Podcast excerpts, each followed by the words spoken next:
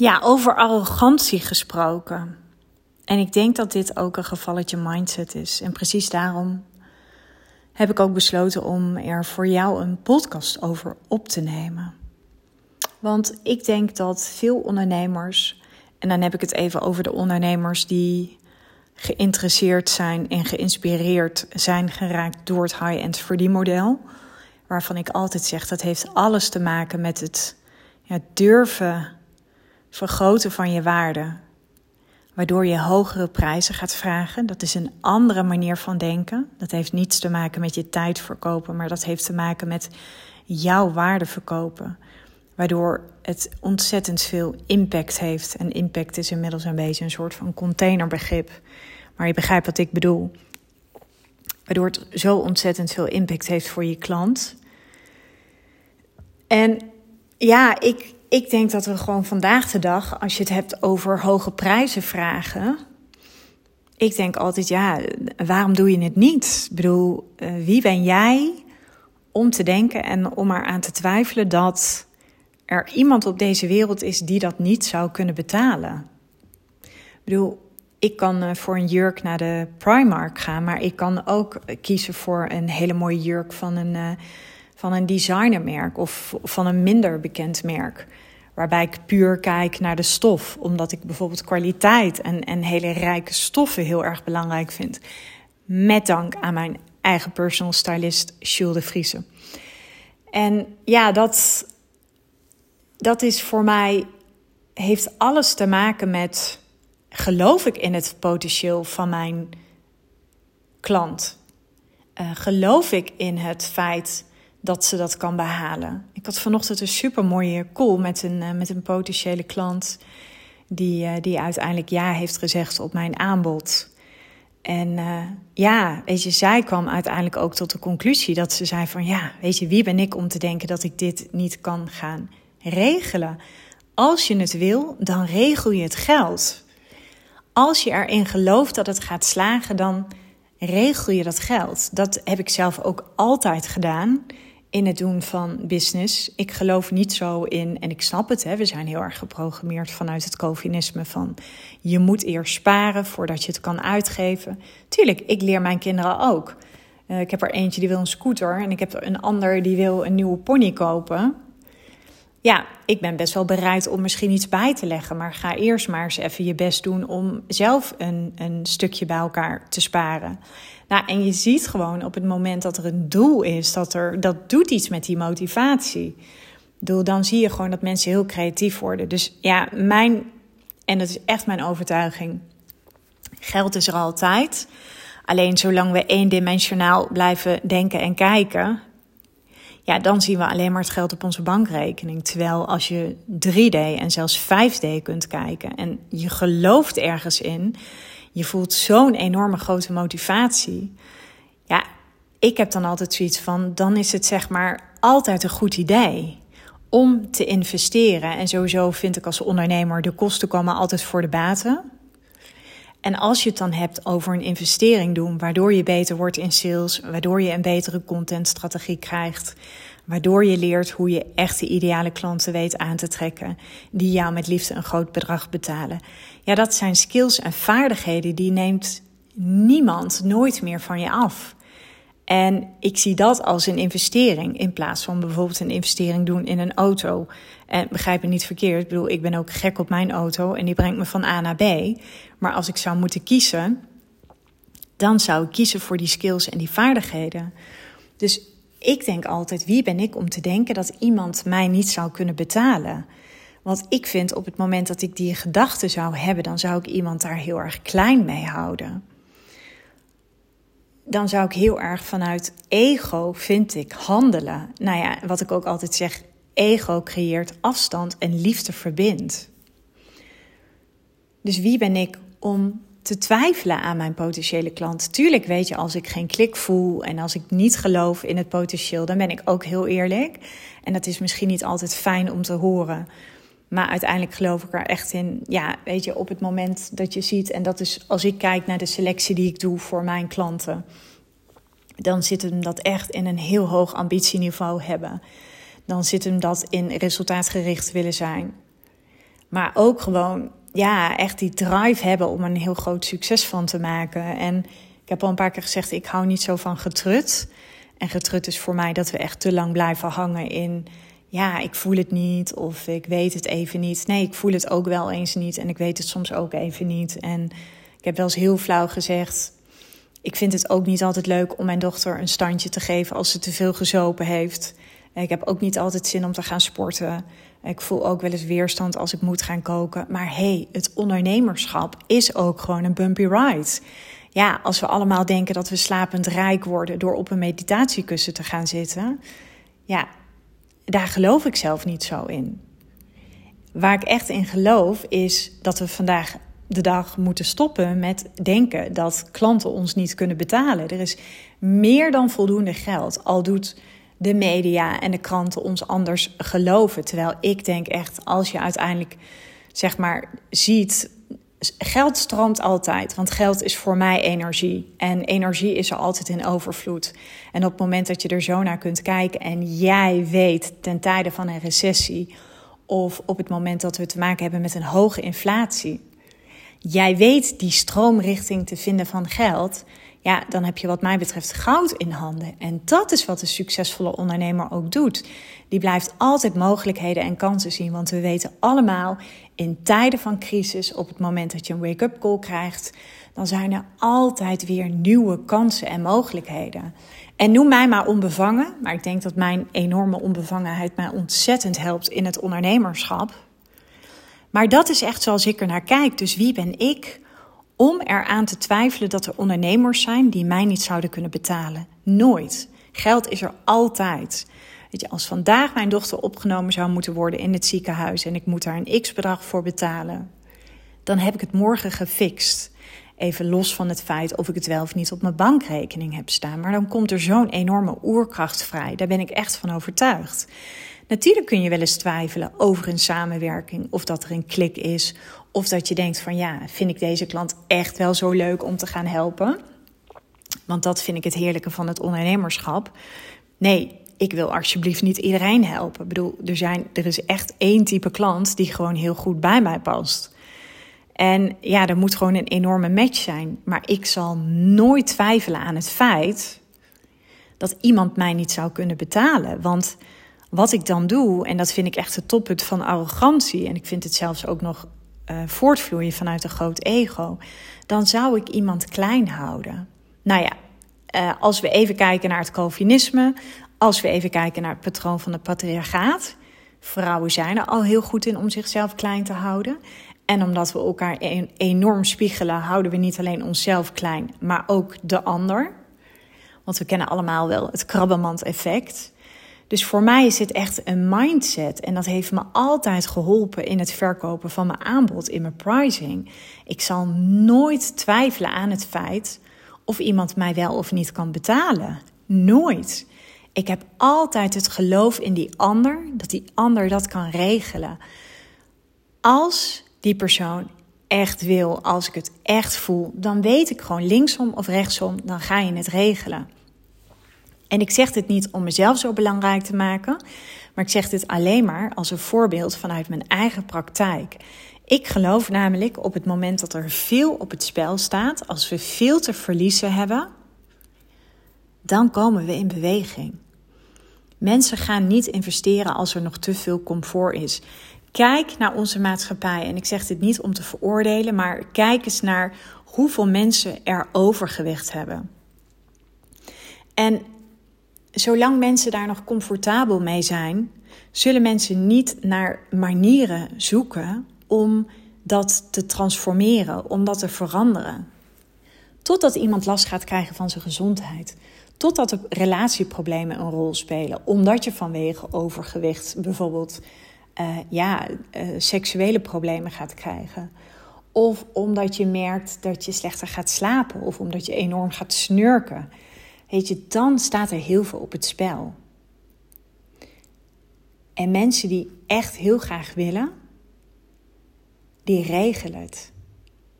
Die willen die verandering, omdat ze voelen het is nu of nooit. Zo was dat vorig jaar in mijn eigen situatie ook. En nogmaals, ik zeg dit echt niet omdat ik mezelf zo belangrijk wil maken, maar ik vind het wel een mooi voorbeeld. En daarmee laat ik ook gelijk zien dat ik geen concessies doe in het werken met klanten. Ik kan niet met klanten werken die ehm, nog te veel comfort ervaren, omdat ik zelf echt uit de situatie kwam waarbij ik op het punt stond om alles te verliezen. En als je dat zelf hebt meegemaakt, dan wil je ook met klanten werken die dat ook zo voelen, die dat snappen, die bereid zijn om beter te worden. Die bereid zijn om grote transformaties door te maken, omdat er veel op het spel staat, omdat ze het geloof hebben in zichzelf. Ik trok vorig jaar de stekker uit een goedlopend bedrijf en op dat moment besloten de vader van mijn kinderen en ik op een respectvolle manier uit elkaar te gaan. En ik ga eerlijk met je zijn, ik had echt, ik draaide een goede omzet. Maar ik had ergens ook altijd het veilige financiële hangmatje van hem achter de rug. En ik denk dat dat er soms ook echt voor gezorgd heeft dat ik niet all in ben gegaan. Want wat ik al zei, comfort helpt je niet per se altijd verder. En op dat moment was het echt van: oké, ik heb weer echt iets te leren in het ondernemerschap. Ik weet dat als ik deze droom wil gaan waarmaken, en dat was echt mijn traject, de Leading Lady, gaan lanceren, dan heb ik daar hulp bij nodig. Dan heb ik daar begeleiding bij nodig. En ik had echt een groot geloof. Ik voelde enorm de urgentie, want ik moest ook mijn eigen broek gaan ophouden en ik moest een eigen huis gaan vinden. En ik had niet bepaald veel comfort. En tegelijkertijd deed ik een hele grote investering. En ik was super blij dat ik dat in termijnen kon gaan betalen. Maar dat heeft alles voor mij veranderd. Dat heeft er echt voor gezorgd dat ik in een soort van golfbeweging kwam. Waardoor ik me zo sterk voelde, zo krachtig voelde. Ja, heel eerlijk, er waren momenten dat ik echt mezelf moest terugfluiten naar het nu. Ik dacht, oké okay, Floor, nu. Je leeft nu. Want ik kon mezelf soms helemaal knettergek maken als ik bezig was met de toekomst. Maar ik heb altijd dat grote geloof in mezelf gehad. Ik heb altijd geweten, dit gaat me lukken, linksom of rechtsom. Ik ga er komen. En dat is zo'n fijne staat van zijn. Maar stel je voor dat op dat moment de ander bij wie ik die investering deed, niet het geloof in mij zou hebben dat ik dat geld zou gaan fixen. Dat, is toch een enorme gedachte die komt vanuit het ego. Dat is toch het toppunt van arrogantie. Zo zie ik het echt. Weet je, we vinden het tegenwoordig vandaag de dag arrogant. Ehm, als iemand zijn hele ja, onconventionele visie deelt. Ik had het er gisteren nog met een klant over. Ja, ik word af en toe een beetje moe van, van alle vegan toestanden. Ik ben nou niet bepaald iemand die heel erg voor vegan gaat. Ik geloof echt nog steeds in laten we alsjeblieft gewoon luisteren naar ons lichaam. En ik denk echt, als ik, als ik geen vlees eet, dat trek ik niet als vrouw. Dus ik zei ook tegen haar, ja, ik vind het wel lekker als iemand gewoon een keer even op socials gooit van vrouwen lijken wel gek als ze geen vlees eten.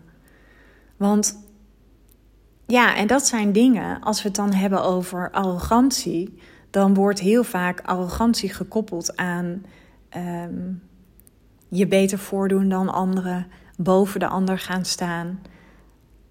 Maar daar gaat het helemaal niet om. Ik denk dat alles te maken heeft met durf jij een bepaalde visie neer te zetten? Even los van wat je doet als kennisondernemer. Bedoel, dit kan je als fotograaf doen, dit kun je als personal stylist doen. Dit, dit kun je doen als interieurstylist, uh, interieurdesigner. Dit kun je doen als coach, dit kun je doen als business coach. Jij hebt altijd een visie waarvan ik echt geloof dat die dwars tegen gemeengoed ingaat. En dat gaat er niet om dat je jezelf gaat overschreeuwen. Nee, dat gaat er ook niet om dat je zo nodig jezelf moet profileren. Nee, ik geloof echt als dat iets is wat vanuit je tenen komt, dat is dat ik altijd zeg: het high-end verdienmodel is echt het enige verdienmodel wat je meer winst oplevert, meer vrije tijd en veel meer vervulling. waardoor je een hartstikke simpel bedrijf hebt met hele lage kosten. Dat is echt mijn overtuiging. Die voel ik ook echt. En dit is ook echt wat ik teach vanuit liefde. Dit staat los van ego. Maar ik denk dat we een beetje een soort van ehm, ja, verwarring hebben gecreëerd of verwarring hebben gezaaid over wat nu arrogant is. En ik vind dus echt het toppunt van arrogantie als ik zou twijfelen aan mijn potentiële klant dat ze de investering niet zou regelen. Omdat ik daar zelf een voorbeeld in ben geweest. Omdat ik het zie bij mijn eigen klanten. Als je echt graag iets wil, alles wat belangrijk voor je is, daar vecht je voor. Dat regel je, linksom of rechtsom.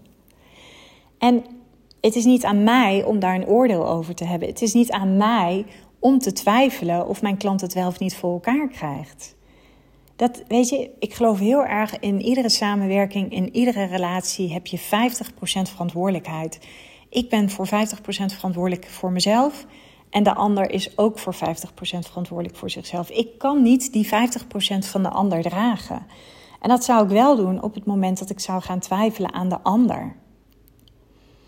En ik denk dat je op die manier, als je dat vertrouwen kunt geven aan je potentiële klant, ja, dan ontstaat er verbinding, omdat het dan veel meer vanuit de staat van liefde komt. Dan ontstaat er verbinding, omdat het echt komt vanuit vertrouwen. En ik vond het eigenlijk best wel belangrijk om dit gewoon eens even met je te delen. Want ik was hierover aan het contempleren, zoals dat met een, uh, met een heel chic woord heet. En ik denk dat dat ook altijd een mindset is geweest die me heel erg geholpen heeft. Dat ik gedraag me nu al als de toekomstige versie van mezelf. En dat betekent dat ik dat ook doe richting mijn klanten. Die versie zal nooit twijfelen aan iemand waar ik heel veel potentieel in zie. Waarvan ik weet, jij hebt het gewoon in je om heel succesvol te zijn. En ja, natuurlijk, ik ben geen medium en ik heb geen glazen bol. En ik weet ook niet of ik echt geloof in een medium. Dat is voor mij vaak nog een beetje een, uh, een strijd tussen het hoofd en het hart.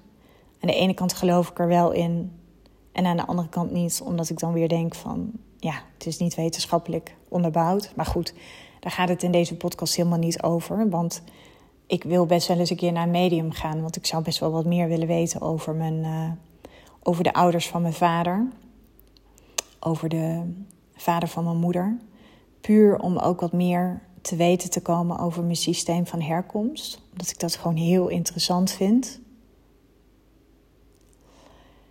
Maar ja, het punt wat ik dus wil maken met deze podcast is: ja, ga voor jezelf eens na in hoeverre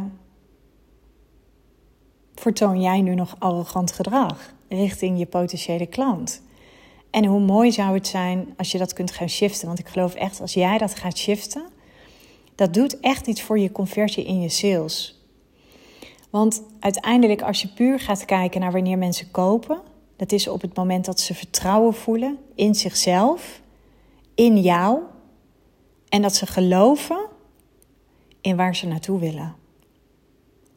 Dus, en mensen voelen het altijd op energetisch niveau als er ego speelt. Weet je, ik voel het ook als ik een sales call heb met een ondernemer en ik voel dat er nog veel ego zit. En dan heb ik het echt niet alleen maar over ego om jezelf groot te maken. Soms is het ook gewoon ego waarbij je jezelf klein maakt. Want als ik allerlei destructieve gedachten heb over mezelf, dan weet ik dat dat ook komt vanuit een staat van ego en totaal niet vanuit liefde.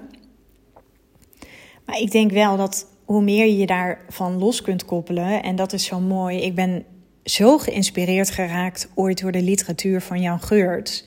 Die heeft het natuurlijk heel vaak over ego in de liefde. Maar ego kan ook gewoon echt een hele grote rol spelen in sales, in je marketing. En dat voelen mensen altijd. En als het echt komt vanuit de staat van liefde, en ik zeg altijd: liefde is niet alleen maar lief en aardig. Hè? Weet je, liefde is ook soms rauw, direct, ongepolijst. En ja, ik, ik vind dit gewoon heel fascinerend. Ik bedoel, ik zou er nog uren over kunnen doorpraten. Dat ga ik zeker niet doen. Wat ik je wel nog wil aanbieden is, mocht je hulp nodig hebben bij je bedrijf, boek dan gewoon eventjes een call bij ons. Sowieso heb ik je laten weten vanaf 1 januari gaat de prijs of gaat de prijs omhoog. En dat doen we omdat we ontzettend veel waarde aan het toevoegen zijn aan het traject. Omdat ik echt voelde van ik wil weer helemaal next level gaan. En als jij nog voor 1 januari instapt, dan kun je nog profiteren van, uh, van de investering die op dit moment van toepassing is. En ik zou het ontzettend leuk vinden om jou te spreken. En voor nu, dank je wel voor het luisteren.